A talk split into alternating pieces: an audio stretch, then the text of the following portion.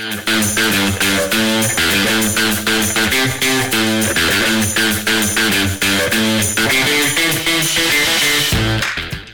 a tots i benvinguts a un altre programa de Ràdio Ordet. Aquest programa el farem la Laura i jo, la Maria. A la taula de so també tenim a la Xènia.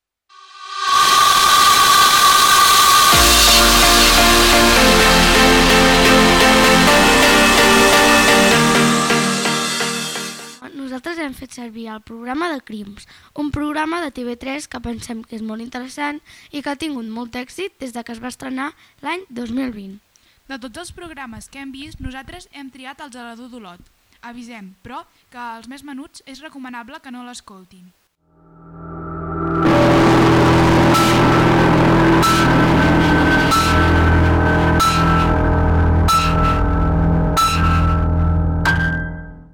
Paquita Gironès, de 85 anys, va ingressar en un hospital perquè estava malalta.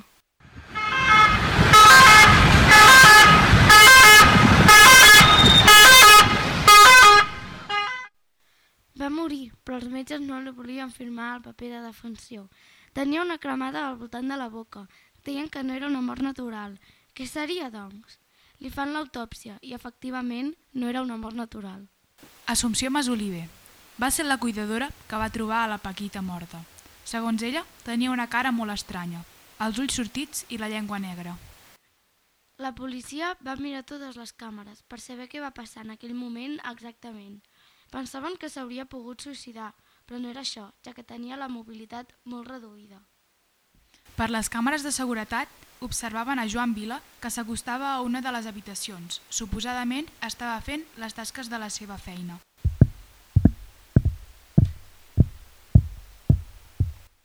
Joan Vila Delmé, veí de Castellfollit de la Roca, de 45 anys, gericultor en, en formació d'auxiliar d'infermeria. Anteriorment havia sigut perruquer. La policia va observar que Joan Vila, a banda de que el que ells els explicava, podia amagar alguna cosa més. Es pensava molt les respostes. Van declarar a Joan Vila com el principal sospitós. Quan li van prendre les seves declaracions, ell va negar rotundament que va estar en l'habitació de Paquita Gironès. Suposadament, estava ajudant a una senyora a posar-se al llit. Això no era el que deien les càmeres de seguretat. Quan la policia va començar a lligar caps, Joan Vila va reconèixer que li havia fet ingerir a Paquita Gironès productes de neteja, com el lleixiu. A les càmeres es veia que entrava a l'habitació de la neteja, on tenien tots els productes tòxics. Allà s'hi va estar entre un minut i un minut i mig. Tot seguit es veu com es va dirigir al passadís on estava ingressada la Paquita. La va trobar molt malament, dormint, i va pensar en ajudar-la d'alguna manera. Li va posar una xeringa per la boca, ja que la tenia oberta per respirar. Va posar-li tot el líquid que hi havia. No recordava quin era, no era consciente, diu. Ell recordava que havia begut, però no quan. A la redacció del Punt Avui arriba el comunicat que Joan Vila ha sigut detingut. Tura Soler, periodista. Es coneixien amb Joan Vila, ja que vivien en pobles veïns. S'havien trobat en trobades, sopars, dinars, etc. Just no feia massa que s'havien vist en una trobada i li va dir que estava molt content perquè havia trobat una feina d'auxiliar d'infermeria al geriàtic. El porten al lloc dels fets per recrear la situació. Inicialment, Joan Vila la volia matar amb una barreja de pastilles. Deia que patia per les dones que estaven a la caritat i que les volia, les volia ajudar. Els hi volia donar una millor vida o millor morir. No recordava si havia matat a altres dones abans. Joan Vila reconeix que, com ell diu, va ajudar a morir dues dones més a la mateixa setmana i amb els mateixos mètodes. Diu que està molt penedit, però que ho feia per donar una millor mort.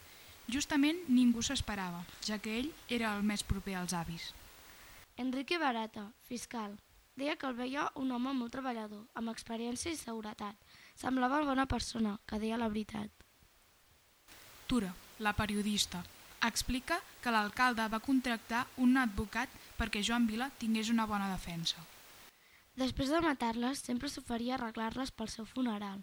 Li pregunten si havia matat a altres dones abans i diu, pot ser, però no me'n recordo. S'observen dues coses molt estranyes. En 5 anys hi ha hagut unes 59 morts, en les quals 27 hi havia present Joan Vila. Es van fer vuit registres a les tombes de les persones que podria haver matat ell, però no donen resultats i no es pot demostrar res. Un dia, però, Joan Vila decideix declarar-ho tot.